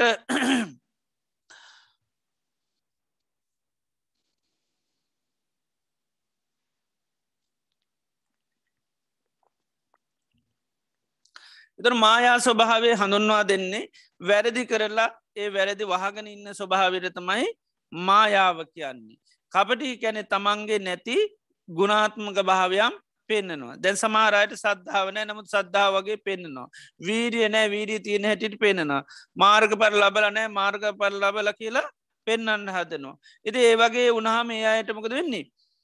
එයට අන්න බුදුරජාණන් වහන්සේ වැඩ හිටියත්තේ අයට ධර්මය පුහුණු කරන්න විදිහක් නෑ ධර්මය කියල දෙන්න විදිහක් නෑ. එති එනිසා මෙන්න මේ මායා ස්වභාවය ඒවගේම කපටි ස්වභාවය කියන දේ පුද්ජලය ඇතුළ තියෙන තා කල්ලයාට ශාසනය පිරිසරණක් ලබන් බේ නිසා එහෙම නොවනොත් තමයි අන්න ඒ කෙනාට තමයි ශාසනය පිළිසරණ ලබන්න පුළුවන්කම තියෙන්නේ. ඉති එනිසා නුව නැති සබ්‍රහ්මචාරයෙන් වහන්සේලා ඉදිරියේ භාගිතුන් වහන්සේ ඉදිරියේ අත්තානං ආවිකත්තා ගැනකයි තමාගේ තියෙන සියලූම අබල දුබලකං ඉස්මතු කරන්න ඕන. දැන් එක වෙලාවක බුදුරජාන් වහන්සේ ළඟටාපු අශ්වයන් දමනය කරන කෙනෙක් බුදුරජාණන් වහන්සේ ළඟට ඇවිල්ලකිව ස්වාමීණී මට මේ අශ්වයන් දමනය කරන්න හරි ලේසි. මොකද මේ අශ්වයෝ පොඩි දුරක් කරයි යනකොට එයාගේ තියෙන ස්වභාවයන් ඔක්කෝම ඉස්මතු වෙනවා. මොකද එයා සාමාන්‍යී විදිර තමයි ඉන්නේ. එනිසා අශ්වයාගේ තියෙන අබල දුබලකම් මං ඉක්මනින්ම ග්‍රහණය කරගන්න. හැබැයි මේ ගෙදරේ වැඩ කරන කෙනා එහෙම අමාරයකිව මොකද එයා කතා කරන්නේ එකක් කිව්වා. ඒවනට කරන්නේ තව එකක් කිව්ව. ඉති එනිසා මේ මනුෂයෝ ගැන හරි ගුප්තයි කිව්වා. උට්ටානං හේතන් යදිදම් පසෝ මේ තිරිසන් සත්තු හරි ප්‍රකටයිකෝ ගුත්ත නෑ. මනුෂයෝ ගැන හරිම ගුත්තයි. තියෙන ස්වභාවෙනවේ පෙන්නන්නේ. ඉතින් ඒ නිසා අර අශ්වයෝ දමනය කරන වේගෙන් ගෙදර ඉන්න කෙනා හික්මෝවන්න පුහුණු කරන්න හරි අමාරුය කිව්වා. ඉතිං ඒ විදියට මේ මිනිස් සිතේ ස්වභාවේ තමයි නිතරම ඒ වංචා ස්වභාවය කපටි ස්වභාවේ ඒ අපේ හිත්වල තියෙන ගතියක්. ඉති ආනේ ගතිය තියන තාකල් මේ ශාසනය පිහිටක් පිටිසන්න ලබන්න බැනිසා වීරී වදන් තිබීතු ප්‍රධාන අංගයත්තමයි අර තමාගේ තියෙන ස්වභාවය ඒ බුදුරජාණන් වහන්සේ වැඩින් නොනම් උන්වහන්සේ ඉදිරියේ ඉස්මතු කරන්න ඕනි තමන්ගේ තියෙන කෙලෙස් ගති කියෙන් පිරිම් මේ වෙන්ඩ දැන් සාමාන්‍යයෙන් කෙලෙස් අපේ හිතේ තින අපිව පිළිගන්න ලැහැත්ති නෑ ඒ පිළිගන්න ලැහැත්ති නැතුනාමිතින් අපිට කවදාක්වත් ධර්මය කොච්චර මේව කරත් අවබෝධ කර ගන්න හරි අමාරු. ඉතිේ නිසා අපි නිතරම පිළිගණ්ඩෝනි තමන්ගේ තියෙන දෝෂය තමන්ගේ තියෙන අඩු පාඩුව. ඒවගේම නුව නැති අයි ළඟ අපි ගිහිල්ල එක ප්‍රකාශනය කරන්න නැවොත් ඒක උත්තර දෙන්න ඕනි. ආන එතවර තමයි පුළුවන්කම තියෙන් අර ශාසනය පිළිසන්න දැන් අපි දැම් බුදුරජන් වන්ස මෙතන විශේෂ වචන පෙන්න්නනවා දැන් අපේ තියෙන ස්වභාවයන් මේ ලෝක හැමෝම ඉදිරිිය පකට කරන්න යන්නේ නෑ. දැන් සමාරෝපන් කියලා ඉතින් හැමෝටම තමන්ගේ අබල දුබලකං ඔක්කෝම කිය කියනවා ඉති එහෙම එකක් බුදුරජාන් වන්සේ දේශනා කරන්නේ නැහැමකද සමාරයට ඒවා කිව්වා මුසුළු විසුරු කරනවා. ඊළඟට සමල්ලාට අපහසයට ලක් කරනවා. ඉති එනිසා තමන්ගේ ති අඩුපාඩුවක් වෙන දෝෂයක් වෙන්න පුළන් වරදක් වෙන්න පුළන් ඒ වරද අඩුපාඩුව දෝෂ නුවනැති අයළඟ ඉස්මතු කරනවා මිසකම හැමෝටම කිය කියන එකක් නෙවේ ඒකත් අබලද බලකං අඩුපාඩුකං වෙච්චි වැරදි මේ දකින දකින හැමෝම අල්ලගෙන කියන්න. එහෙම කීම තුළ කිසිම වැඩක් නෑ තව තවත් අර්බුද පසනුවලට තමයි මේ වෙන්න. සමරු ඕපන් වෙන්න ඕන කියලා ඉතින් හැමෝටම තමන්ගේ තියෙන දුබලකම අබල ඔච්චියව යොකෝම් පුළුවන්තනම් කතා කරන. ඉති ඒක කිසිම අර්ථ විරහිත දෙයක්. යම් තමන්ගේ අඩුපාඩුවත්ති නොනම් ඒකට අවවාදයක් දෙන්න පුළුවන් අනුශාසනාවක් කරන්න පුළුවන් ඒක ස්වභාවය පෙන්න්න පුළුවන් කෙනෙකුට මිසක්කා අන්න අයට එහෙම ප්‍රකාශනය කරන්න යන්න ඕනේ නෑ. එනිසා අපි ඕෆන් වෙන්ඩෝ නැතන් අපි අපේ තියෙන අබල දුබලකං ඔක්කෝම නුවනැති සබ්‍රහ්මචාරීන් වහන්සේලා ඉදිරීම එතනදී අපි යන්න තමන්ගේ තියෙන දුරුලතාවයන් ඉස්මතු වන්නොත් කැන වහගත්තොත් එතනදී අන්න එයාට පිරිසන්න ලැබෙන්නේ නැහැ. එතනදී අපි විවෘත වෙන්ඩෝනි. එනිසාර ගාථාවකුත්තින චන්න මේව වස්සති විවටන් නාති වස්සති තස්මා චන්නම් විවරේත ඒවන්තන් නාති වස්සති. චන්න මේව වස්සති ගැන වහගත්තොත් තෙමෙනවා. විවටන් නාති වස්සති විවෘතකොරොත් තෙමෙන්නේ නෑ. තස්මා චන්නම් විවරේත එනිසවයි වහගෙන තියෙන ඔක්කෝම විවෘත කරගන්න. ඒවන්තන් නාතිවස්සති ආන එතකොරනම් තෙමෙන්නේ නැහැ. දැන් සාමාන්‍යයේ ගෙවල් දොරවල් ලොක්කෝ මේවා මොකද කරන්න වහගණ්ඩෝන් වහගත්තොත් තෙමෙන්නේ නෑ මෙව ඔපන් වුනොත්මක දෙන්නේ. තෙමෙනවා. එදොට ආන්නේ ගාථාව කියන්නේ දැන් චන්න මේව වස්සති වහගෙන හිටියොත් එමෙනවා කියනවා. එතර මෙතන බුදුරන් වද කියන්නේ තමන්ගේ අඩුපාඩු දෝෂ වහගෙන ඉන්න තාක්කල් තවතවමකද වෙන්නේ? එය මුල් කරගෙන අපි කෙලෙස් වැස්සෙන් තෙමෙනවා. ඒ නිසා කියනවා තස්මා චන්නම් විවරේ ඒ නිසවයි වහගෙන ඉන්නවා විවෘත කරන්න. තස ඒවන්තන් නාතිවත තොට තිමින්නේ නෑ එතට ඒවා විවෘත කරන්න බැයිති මේ දකින්න දකින මිනිස්සු ළඟට ගීල විවෘත කරන්න යන්නේ නෑ. සත්තරිවා සාතෘූන් වහන්සේ ළඟට හෝ. ඒම නැත්තං විඤ්ඥූසුවා සබ්‍රහ්මචාරයසු විඤ්ඥූසු ගැන නුවන තියෙන. සබ්‍රහ්මචාරණ එකට ඉන්නවා කියලා ඒ එකට ඉන්න ඔකෝමත් එක කියන්න යන්නෙත් නෑ. අප යාලු දහයක් පල ඔය හැම යාලුවන්ටම ගිල්ල පසන කතා කරන්නේ නෑ. නුවන තියෙන. දෙයක් දරාගන්න පුළුවන්. ඒවගේම දේකට විසඳුන් දෙන්න පුළුවන් කලබල වෙන්න ඇති සංසුන් දේට සාවධානු අහන්න පුළුවන්. ඒ වගේ අයට කියල්ල තම අපේ පස්න කතා කරන්න ඕන. ඉතේ එතවට තමයි අපිට ඒ අය උපදේශයන් දෙන්නේ. ඉතේ නිසා මේ බුදුරජාණන් වහන්සේගේ ධර්මය අවබෝධ කරගන්න සාාවකයකයි තමන් අනිවාරෙම විවෘත පුද්ජලයෙක් වෙන්න ඕනි. තියෙන සියලූම කෙලෙස් අනිවාරෙන් අපි භාරගණ්ඩෝනි ඒක බුද්ධ ශාසනය දියුණුවක් හැටියට පෙන්න්නන්නේ වරදක් උනාමත් අර කියනවා වරද වරද හැටියට පිළිගන්න තා කල්ලයාට අභිවෘද්ධියල් ලැබෙන්නේ. උද්ධිහේසා මහාරාජ සරියස්ස වනේ මහරජ මේ කාරවිනියේ ලොකූ දියුණුවක් කියෙනවා අච්චයන් අච්චයතෝදී සවරද වරද හැටියට දැනගෙන මතු සංවරය පිණිස පිළිපදි නෝනං ඒක බුද්ධ ශාසනය ලොකු දියුණුවක්. ඉති එනිසා බුදුරජාණන් වහන්සේ ළඟ ඒ වගේම කල්්‍යාන මිත්‍රයන් වහන්සේල ළඟ අපි කපටි වෙන්න හොඳ නෑ මායාවෙන්න හොඳ නැති ගුණාත්මක භාවයන් පෙන්න්නන්නත් හොඳ නෑ කරන කපය දේවල් වහ ගණ්ඩ යන්න හොඳත් නෑ. එතවට එහෙම උනොත්තම අපිට අර ශාසනයේ පිහිටක් ලබන එකත් වීරිය වඩන්න ප්‍රධාන අංගයක් බවට පත්වෙනවා. ඒවගේම අනිත් ප්‍රධානන්ගේ තමයි අකුසලානන් දම්මානම් පහනාය කුසලානන් දම්මානම් උපසම්පදාය. තාමමා දල්ල පරක්කමු අනික්යුත්ත දූරෝ කුසලේසු දම්මේසු. ඒවගේම පදම් වීරි වඩන්න තිබියයුතු දෙයක්ත්තම මේ වීරිය කියන එක. වීරිය තියෙන කෙනාට තමයි ශාසනය ඉදිරියට යන්න පුළුවන්. වීරිය පෙන්න්නන්නේ රෝධ දෙකක් වගේ රෝධ තියන තාකල් අපිට වාහනයක් ඉදිරිට යනව වගේ යන්න එනිසාමි අකුසල් ප්‍රහණය කරන්නත් කුසලේ දියුණු කරන්නත් නිතරම වීරිය දියුණු කරන්න ඕ නිති වීරී ඇති කරනවා කියලා ඇති කරගන්න තියන්නේ එකම දෙයයි තමයි කැමැත්ත කියනදේ. ඒ කැමැත් ඇති කරන්න නම් අපිට තියෙන පුළුවන්තරං ආදීනුව සහිත දෙවල් ආදීනුව බලන්නම ඕන ආදීනුව බලන්න බලන්න කැමැත් ඇති නෝ ප්‍රහාණය කරන්න. ඒ ආදීන බලන දේ තමා තුළ තියෙනවනං ඒවට කෙන උපන් අකුසල් ඒව නැත්තන් උපන් අකුසල්. එතර උපන් අකුසලය ප්‍රහාණය කරන්නත් නූපන් අකුසලේ නූපදුවෙන්ඩත් අපිට තියෙන්නේ ඒ අකුසලයන් කියන දේවල්ල පුළුවන් තරං ආදීනුව බලන්න නොවනේ ආදීන බලන්නකොට තම යන්න මේ වීරිය කියන ඇති කරගන්න පුළුවන්. ඉති වීරිය දියුණු උනොත්තම යන්න එයාට මේ ශාසනය පිළිවෙත් පුලන්න පුළුවන්කම තියෙන්නේ ඒ නිසා ප්‍රධාන අංගයක්ත්තමයි මේ වීරි වීරිය නැමති උපකාරය ලබන්නඇතු කාටුවත් පුළුවන්කමක් නෑ දවානයක රෝධ නැතුව කාටුවත් එරෝධය උපකාර කරගන්න නැතුව කිසිම කෙනෙකුට අඩියක්වත් යන්න බෑ. ආනේ වගේ තමයි ශාසනය අඩියක්වත් යන්න බෑමි වීරිය නැතුව. වීරි අනිවාර්යම අවශ්‍යයි. ඒත් පර පෙන්න්නේ බෝධිපාසක ධර්මති සතම ගත්තුත් කාණ්ඩ වසයෙන් ගත්තාව සතර සති පට්ටාන ඔය හැම තැනදීම වීරිය කතා කරනවා. ඉතිේ නිසා නිවන් දකින්න මේ චතුරාර් සත්‍ය අබෝධයට සිරුදුකි නිදහස් වෙන්න මේ වීරිය ප්‍රධාන අංගයක් බවට පත්වෙනවා. ඒවගේ අනිත් ප්‍රධාන අංගේ තමයි ප්‍රඥාව කියන එක. ප්‍රඥාවත් අනිවාර්යම නුවන කියන දේ තියෙන්නම ඕන නුවන නැතුව කාටුවත් මේ ශාසනයේ පිහිටක් පිටිසරන්නල් ලබන්න බැහැ. එන නිර්වාණය සාස්සාත් කරගන්න නම් ඒවගේම සිරිදුකින් නිදහස් වෙන නම් කෙලෙස් ලිගට ලිහාගන්න නම් ප්‍රඥාවේ උපකාරය අපිට අවශ්‍ය මයි. ඒ නිසා මනුෂ්‍යයන්ට තියෙන වටිනාම රත්නයක් හැටිට ඒකයි කැන පඤ්ඥා නරාණන් රත්න. මනුෂ්‍යයරතින වටිනාමදේ තමයි ප්‍රඥාව. වටිනාම රත්නය ඉතේ රත්නය උපකාරය අපිට අනිවාරයම අවශ්‍යයි. ඒ ප්‍රඥාව තියෙන කෙනාට තමයි මේ ධර්මය කරායන්න පුළුවන්. ප්ඥාවන්තස්සායන් ධම්මෝ නායන් දම්මෝ දුප්පඥාස ප්‍රඥාවන්තයන්ටයි මේ ධර්මය දුප්‍රාඥ කෙනාට නෙවේ.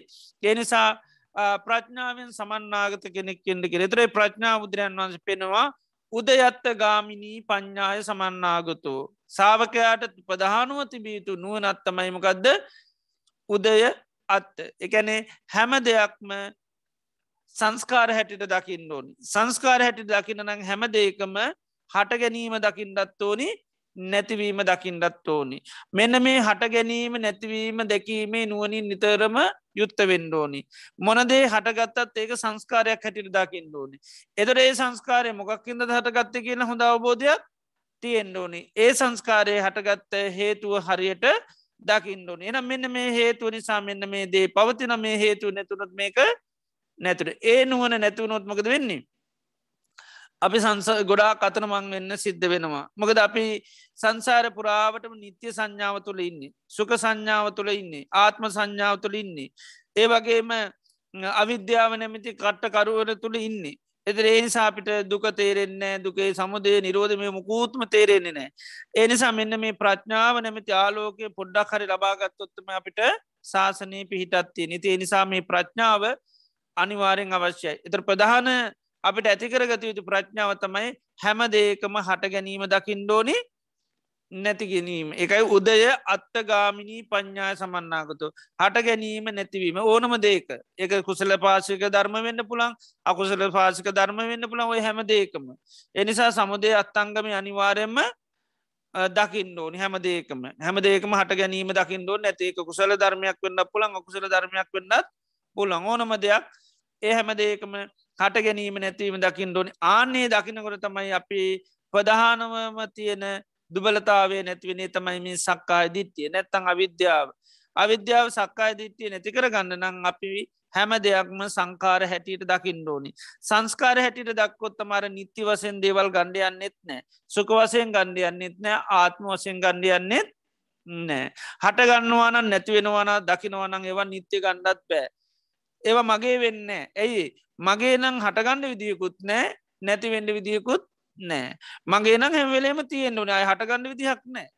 ඒවගේම නැතිවෙන්ඩ විදිියකුත් නෑ මගේ නම්. ඉති එනි සතමයි මෙන්න මේ හට ගැනීම නැතිවීම දැකීමේ නුවනින් යුත්ත වෙන්ඩෝන් ඉතේ සඳහාපී නිතරම ධර්මතා හටගන්නකොට හැම මොහොතෙම හේතු පල වශයෙන් බලන්ඩෝනි මොන ධර්මතාවයක් කටගත හිතක් කටගත්තත් වේදනාවක් කටගත්තත් ජීවිතයට දුකක් කරදරයක් ප්‍රශ්නයක්කාවත් හැමදේම අපි අන්න හේතු පලවසයෙන් බලන්ඩෝනි ඇයි මේ දේ සකස් උනේ එතට ඊට අදාළුව අපිට පුළුවන් පුරුදු පුහුණු කරන්න. ඉතිේ නිසම් මෙන්න මේ හට ගැනීම නැතිවීම නුවනින් යුත්ත වෙන්ඩෝනි ඒවගේම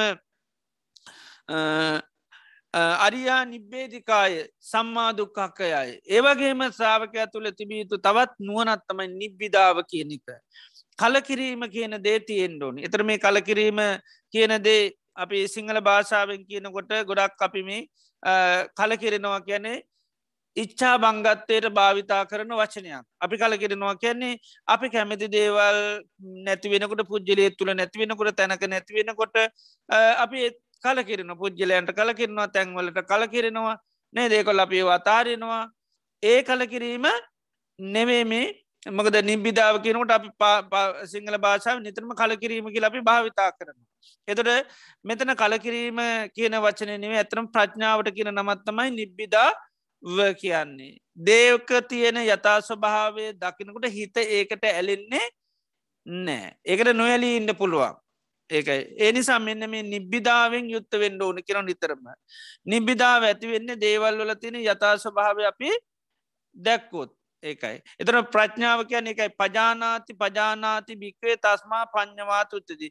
දන්නවා දන්නවා කියන අර්ථයෙන් තමයි ප්‍රඥාව කියලා කියන එතන මොනවද දන්නේ. ඉදන් දුක්කම් මේක තමයි දුක අයන්දුක්ක සමුදය මේ දුක හටගන්නේ මෙන්න මේ හේතුවෙන් අයන් දුක්ක නිරෝධ මේක තමයි දුක්ක නිරෝධ අයන් දුක්ක නිරෝධ ගාමිණී පටිපදා මේ තමයි දුක් නැති කරන ප්‍රතිපදාව. එතර ඒක තමයි ප්‍රඥාව කියන්න. ආන්නේ ප්‍රඥාව තියෙනවානං නිතරම අර නිබ්බිධාව කියන එක තියෙන දේවල්වලට නොවලීමේ හැකියාව තියෙනවා. ඉතින් නිසා මෙන්න මේ මනාකොට දුක්ෂය කරන්න පුළුවන් ආකාරය නිබ්බිධාවේ යුත්තයෙනවා. ඒක තමයි මේ ප්‍රඥාව කියලා කියන්න. ඉතින්නේ ප්‍රඥාවත් බුදුරජාණන් වහන්සේ දේශනා කරනවා පදානන්ගේ හැටියට. එතොට මේ කරුණු පහම උපකාරක ධර්ම වෙනවා මොකේටද නිර්වාණය සාත්සාත් කරගන්න සියලු දුකින් නිදහස් වෙන්න කෙලෙස් ගැට ලිහාගන්න මේ කරුණු පහඋපකාර වන සද්ධාව උපකාර වෙනවා. ඒවගේම කායික නිරෝගික මත් උපකාරි වෙනවා. ඒවගේම තමයි කපටි නැති මායා නැත්තං තමාගේ ස්වරූපය හරියට නුවනැති අය ගැන විවෘත කරනවා නම් ඒවගේම වීරියෙන් යුත්තනං ප්‍රඥාවෙන් යුත්තනං ආනයා මෙන්න මේ උපකාරය මුල් කරගෙන මේ උපකාර ලබාගෙන යට පුළුවන් අර තමන්ගේ අමිමතාර්ථය.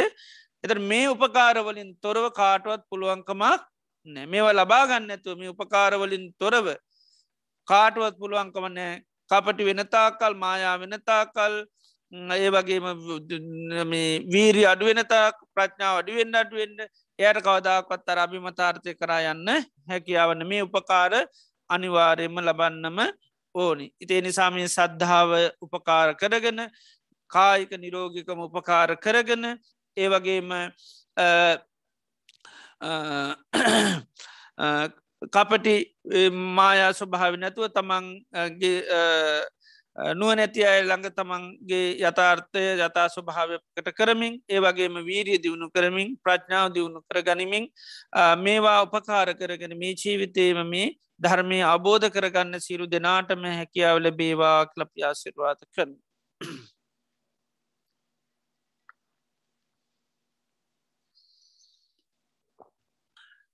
හොඳයි අද දිනේදිත් අපි තාම ශ්‍රද්ධාවෙන් ගෞරුවෙන් බත්ති යුතුව ලෝතුරා භාකිවත් බුදුරජාණන් වහන්සේ අපේ ජීවිත්ත සුවපත් කරන්ට දේශනා කරපය උතුම් වටිනා ධර්මය තාම ශ්‍රද්ධාවෙන් ගෞරෙන් බත්තියෙන් යුතු අපේ සවනය කරා.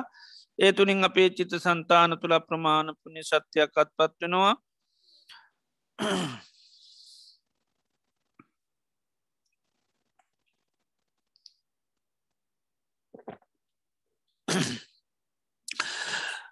ඒ වගේම මේ දේශනය සඳහා අනුග්‍රහ දැක්වීමෙන් ධර්මදානමී පින්කම සිද්ධ වෙනවා. බුදුරජාණන් වහන්සේ දේශනා කළ තියෙන සිරුදානයන්ට වැඩි ධර්මදානය ශේෂ්ටයි බුදු කෙනෙකුගේ බණ හැමදාම අපිට අහන්න ලැබෙන්නේ මේ වගේ ආයතනයන් ඇසුරු කරගෙන මේ වගේ දේශනාමාවා මාලාවල් පවත්වාගෙනයම තුළ තමයි අපිට බුදුරජන් වහන්සේගේ ධර්මයහන් ලැබෙන්නේ. තිය නිසා මේ සඳහා අනුග්‍රහ දැක්වීමෙන් මේ ආයතන පවත්වාගෙන යෑමින් එව ඒ සඳහා අපකාර දැක්වීම තුළින් අපිට මේ ධර්මදානමී පින්කම සිද්ධ වෙනවා. ගතේ නිසාධදිනයේදී මේ සඳහනු ග්‍රහ දැක්වීම තුළින් ධර්මදානමී පින්කම සිද්ධ වෙනවා. ඒවගේ මේ දේශනා කිරීම අමුෘත දානමය පින්කමක් හැටට දේශනා කරනවා. ඒවගේම බණඇසීම තුළ අපිට බුදුරජාණන් වහන්සේ කරේ මහා සද්ධාවක් ඇත්වෙනවා සම්මා සම්බුද්ධෝ භගවා ඒ කාන්තේම බුදුරජාණන් වහන්සේ නම් සම්මා සම්බුද්ධයි. ස්වාක්කාතෝ භගවතා දම්මෝ භාගිතුන් වහන්සේගේ ධර්මය ස්වාක්කාතයි. සුපටිපන්නෝ භගවතෝ සාවක සංගෝ තතාගත සාවක සංඝයා සුපටි පන්නයි උන්වහන්සලා සද්ධා ඇති කරගන්න වී ඇති කරගන්න ප්‍රඥාව ඇති කරගණ්ඩයි මේ ශාසනය මේ පිළිවෙත් ප්‍රණයනං උන්වහන්සේලා ගිය ගමන හරි ගමනක් සුපටි පන්නෝ භගවතෝ ශාවක සංගු තිවිධ රත්නය කිරීම අපට මහා ප්‍රසාදයක් සද්ධාවක් ඇතිවෙනවා මේ බණ ඇසීම තුළ. යං වෙලාව අපිට තිවිදරත්නය කරේ ප්‍රසාද සිතක් පහළු නොත් ඒක බොහෝ කාලයක්ම හිත සුව පිණිස හේතු වෙනවා. ලෝක අග්‍රස්ථානයේ පැහැදිච්චි කෙනෙක් වෙනවා. බුද්ධරත්නය කරේ ධර්මරත්නය කරේ සංගරත්නය කරේ පාදිනවනම් ඒක තමයි මේ ලෝකයේ ලොකුම පැහැදීම. ලොකුම ආනිසංස ලැබෙන පැහැදීම බවට පත්වන තේනිසා මේ මොහොතේ ධර්මශ්‍යවනය කිරීමෙන් ඒ සඳහන් උග්‍රහ දැක්වීමෙන් දේශනා කිරීමෙන් චිත්ත ප්‍රසාද ඇති කර ගැනීමෙන් අපේ චිත සන්තාන තුළ අප්‍රමාණ පුුණ්‍ය සත්‍යයක්කත් පත් වෙනවා. අද දිනේදිත් විශේෂ පුුණ්‍යානමෝදනාවන් සිද්ධ කරන්න බලාපොරොත්තු වෙනවා.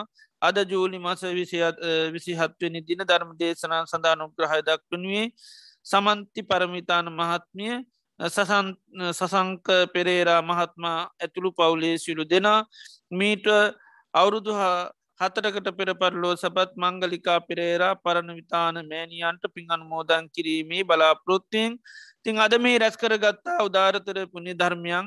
ඒ මංගලිකා පෙරේරා මෞතුමියට මේ පින අනුමෝදං කරමු. එතුමිය සේතින් කරගත් පිනක් හා සමානුව සාදු කියල මේ පින අනුමෝදං වේවා.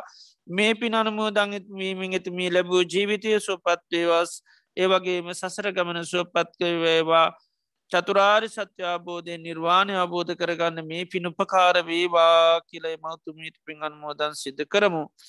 ඒවගේම මීට වසර විසිහයකට පෙර අභාවප්‍රාතෘ ඩේවිට් හපංගම පියාණන්ට සහ හේමා හපංගම මෑණියන්ට ඒවගේම වසර ධාතරකර ප්‍රභාව ප්‍රාතුපදී හපංගම සොයිරාට පින් අන්මෝදන් කිරීම පිණිස අද දින ධර්ම දේශනා සඳාදායකත්වය සපිනත් චන්දිමාසිවරධන මාත්මයතුරු පවුලේ දූද සිලු දෙනා විසින් මේ රැත් කරගත්තා උදාරතර පුුණ්‍ය ධර්මයන් ඒ ඩේවිට් හපංගම පියාණන්ටත් ඒ වගේ මෙහේ මහ පංගම මෑණියන්ටත් ඒවගේම පදීප් හපංගම ඒ සොයුරහටත් මේ උදාරතර පුුණ්‍ය ධර්මය අනුමෝදං කරමු. මේ පින සාදු කියලා සීතින් කරගත් පිනක් හා සමානුව අනුමෝදං වේවා. මේ පින අනුමෝදංවීමින් ඒ මවපය දෙපළ සොයුර ඇතුරු අය ලැබූ ජීවිත සුවපත් කරගන්න ලැබූ ජීවිතාවශයෙන් වර්ණයෙන් සැපයෙන් බලින් සමුතිම ජීවිතයක් වන්න සසර ගමන සුවපත් කරගන්න චතුරාර් සත්‍යයා බෝධීන් නිර්වාණය අබෝධ කරගන්න මේ පිණුපකාරවේවා කියලා පින්නන් මෝදනා සිද්ධ කරමු. ඒවගේ මද දානමය කටයු සඳහනු ග්‍රහ දක්වන මීට මාස තුනකට පෙරමිය ගිය ඒ ලීලාවති සියමෑනියන්ට පින් අනුමෝදන් කිරීම පිණිස විජේදාස අලංකාරගේ මහත්මා විසින් අද දිනේදී දානය සඳහනු ග්‍රහ දක්වනවා. ඉති අද දිනේදී මේ ධර්මශ්‍රවනය කිරීමෙන් ඒවගේම දානමාන ඒ උපස්ථාන සිද්ධ කිරීමෙන් ලැස් කරගත්තා වූ උදාර්තරපුුණි ධර්මයන් ඒ පින්වත් මෞතුමියට මීට මාස තුනකට පෙර මිය පරලෝගිය ඒ පින්වත් ලීලාවති මෑනියන්ට මේ පින් අනුමෝදං කරමු. එම මෞතුමිය සේතින් කරගත් පිනක් හා සමානව සාදු කියලා මේ පින් අනුමෝදං වේවා මේ පින අනුමෝදංවීමෙන් ඇත්මේ ලැබූ ජීවිතය සෝ පත්වේවා ලැබූ ජීවිත ආවිශයෙන් වර්ණයෙන් සැපීම් බලයෙන් සමුදමත් ජීවිතයක් වේවා. සසර ගමන සුවපත් කරගෙන ඉතා ඉක්මනින්ම චතුරාරි සත්‍ය ආබෝධය නිර්වාණය ආබෝධ කරගන්න එතුමියට මේ පිණුපකාර වේවා කියලේ මෞතුමියට පින් අනුමෝදන් සිද්ධ කරමු. ඒවගේ මේ රැස් කරගත්තු ධාරතර පුුණි ධර්මයන් සියලූම ලෝකවාසත්‍යයන් සීපත් කරලා ඒවගේම මිය පරලෝගේ සිලූම ඥාතින් සීපත් කළ සිරු දෙවි දේවතාවන් සීපත් කළ මේ පින අන්මෝදං කරමු. ඒ සිරු දෙනා මේ පින සාදු කියලා අනුමෝදං වෙලා ලැබූ ජීවිත සුවපත්වේවා සසර ගමන සුවපත් කරගෙන නිර්වාණය අවබෝධ කර ගනිත්වා කියල පින් අනුමෝදං කරනමු ඒවගේ මේ රැස්කරගත්තු ධාරතර පුුණි ධර්මයානු භා බලින් බුදු පසේබට මහරහතුන් වහන්සලා ගැනන්ත ගුණානු භා බලින් කොරෝනාව සංගත රෝගය නිසා රෝගාතුරුව වෛද්‍ය ප්‍රතිකාර කරන සියරු රටවල ජනතාවරික්මනින්ම ස්වේ රැබේවා මේ වසංගත රෝගය සිව් රටවල්ලින් අංගල සිරු ජනතාවට පහසුවෙන් තම දෛනික ජීවන කටයුතු සිද්ධ කරගන්න සත්‍යය ධෛර්යවාසනාව දාවේවා කලපි ආසිර්වාත කරම්. ඒවගේ මේ රැස් කරගත්තා උදාහරතර පුුණේ ධර්මයානු භා බලින් බුදු පසේ බුදු මහරහතුන් වහන්සේලා ගැනන්ත ගුණානු භා බලින් ධර්ම දේශනාව සඳාදායකත්තේ සැපියූසි රූම පින්නතුන්ටත් දානමාන කටයුතු සඳානු ග්‍රාදැක්වූ ඒවා සකස් කල පූජ කරමින් සිරිදනාටමත් ඒවගේම මේ ධර්මශ්‍රවනය කරන පින්වත් සෑම දෙනාටමත් පවුල දූදරු ඥාත මිත්‍ර හිතයිසි සෑම දෙනාටමත් සිතක් වේවා සාන්තියක් වේවා ජහපතක් වේවා නිදුක් වේවනි රෝගිව සූපත් වේවා. රජුන්ගෙන් සුරුන්ගෙන් ගින්නෙන් ජලයෙන් වස විසාධයකින් කිසි මන්තරාවක් නොම ඒවා කායික මාංශ සුසානය ලැබේවා කරගෙන යන රැකි රස්සා දරුවන් අධ්‍යාපන කටයුතු ආදයත් සාර්ථකයව ඉදිරි අනාගතය සම්බුධ ශාසනය මුල් කරගෙන දානාදී පින්කන්සීලාදී ගුණ ධර්ම සමති පශනා භාවනාවන් දියුණු කරගෙන මේ ජීවිතයේදීම චතුරාර් සත්‍යාබෝධ නිර්වාණය අබෝධ කරගන්න මේ සිරු පුුණ්‍ය ධර්මයන් උපකාරවේවා කලපි ආශර පාර්ථනා සිත කරගනිමු. මිය පරලෝගිය ඒ නන්සේ පත් කරපු සිරු ඥාතින්සේ පත් කරලා ඒවගේ මාතීද සංසාරය පට මේ ජීවිතය දක්වා මිය පරලෝගිය සිරු ඥාතින්සේ පත් කරලා මේ පින අනුමෝදන් කරමු අපි රැස් කරගත්තු ධාරතරපුුණි ධර්මය අනුමෝදං වෙලා අප සිරු දෙනාගේම ඥාතිීන්ගේ ජීවිත සුවපත් භාවයටම පත්වේවා කෙන හැඟී මැති කරගෙන පුුණ්‍යාන් මෝදනා සිද්ධ කරමු. ඉදංහෝ ඥාති නංහෝතු සුකිතා හොන්තු ඥාතයෝ ඉදංහෝ ඥාති නංහෝතු සුගිතා හොන්තු ඥාතයෝ ඉදංහෝ ඥාති නංහෝතු සුගිතා හොන්තු ඥාතයෝ එත්තාවතා චම්මිහි සබදම් පුං්ඥ සම්පදන් සබ්බේ දේවානුමෝදන්තු සබ්බ සම්පත්ති සිද්ධියා එත්තාවතා චම්මිහි සබදම් පුං්ඥ සම්පදන් සබ්බේ භූතානුමෝදන්තු සබ්බ සම් එත්තාවතා චම්මිහි සබදම් පුුණ්්‍ය සම්පදන් සබ්බේ සත්තානුමෝදන්තු සබ්බ සම්පත්ති සිද්ධිය ඉමිනාපුං්ඥ කම්මීන මාමේ බාල සමාගමෝ සතන් සමාගමෝ හෝතු යාව නිබ්බාන පත්තියා ඉදම් මේ පුං්ඥ කම්මං ආසභක්කයාවහං හෝතු සබදුකා පමුංචතු සාධූ සාධූ සාධූ තුන්වන්ගේ අනන්ත ගුණානු බහ බලෙන් සැම දෙනාට සෙට සාන්තුදාවක් ලප ආසිරවාත කරනවා. සබීතියෝ වජ්ජන්තු සබරෝගෝ විනාසතු මාතේ බවත්වන්තරායෝ සුකී දීගායුකූ බව බෞතු සබ මංගලං රක්කන්තු සබ්බ දේවතා සබබුද්ධානු භාවේන සබ දම්මානු භාවේන සබ්බ සංඝානු භාවේන සදා සොත්ති භවන්තුතිී සාධූ සාධූ සාධූ ඕකාස වන්දාමි භන්තේ. පත්වේවා මයා කතං පුඤ්ඥං සාමිනා අනුමෝදි තබ්බං තාස්සාදුන් මෝදාමි සාමිනා කතම් පුඤ්ඥං මයිහන්දා තබ්බං සාත්සාදුන මෝදා සාදු සාදු අනුමෝදාමි. ඕකාස ද්වාරත්තයේන කතන් සබ්බං අච්චයන් කමතමේ භන්තේ කමාම් කමි තබ්බං ඕකාස කමාමි භන්තේ දුතියම්පි ඕකාස කමාමි භන්තේ තතියම්පි ඕකාස කමාමි භන්තේ සීලවන්තං ගුණවන්තං පුඤ්ඤක්කෙත්තං අනුත්තරං දුර්ලභේනමයාලද්ධං පස්සිතුම් වන්දිතුම් වරං සාරිපුත්තාදි තේරාණං ආගතං පටිපාටියා සද්ධා සීල දයාවාසං බුද්ධ පුත්තං නමාමහං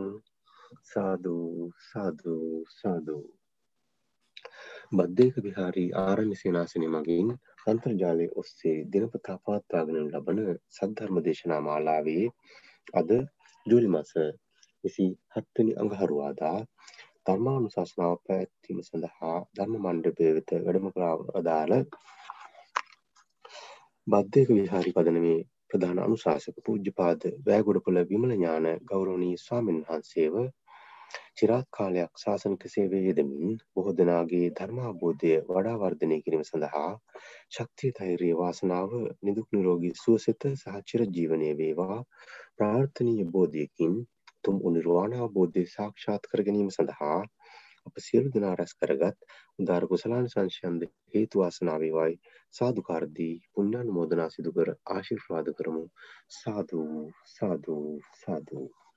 සද්ධර්ම ශ්‍රවණය කළ සුසිල්ලත් සියලුම දෙනාට සම්මා සම්බුදු සරණයි.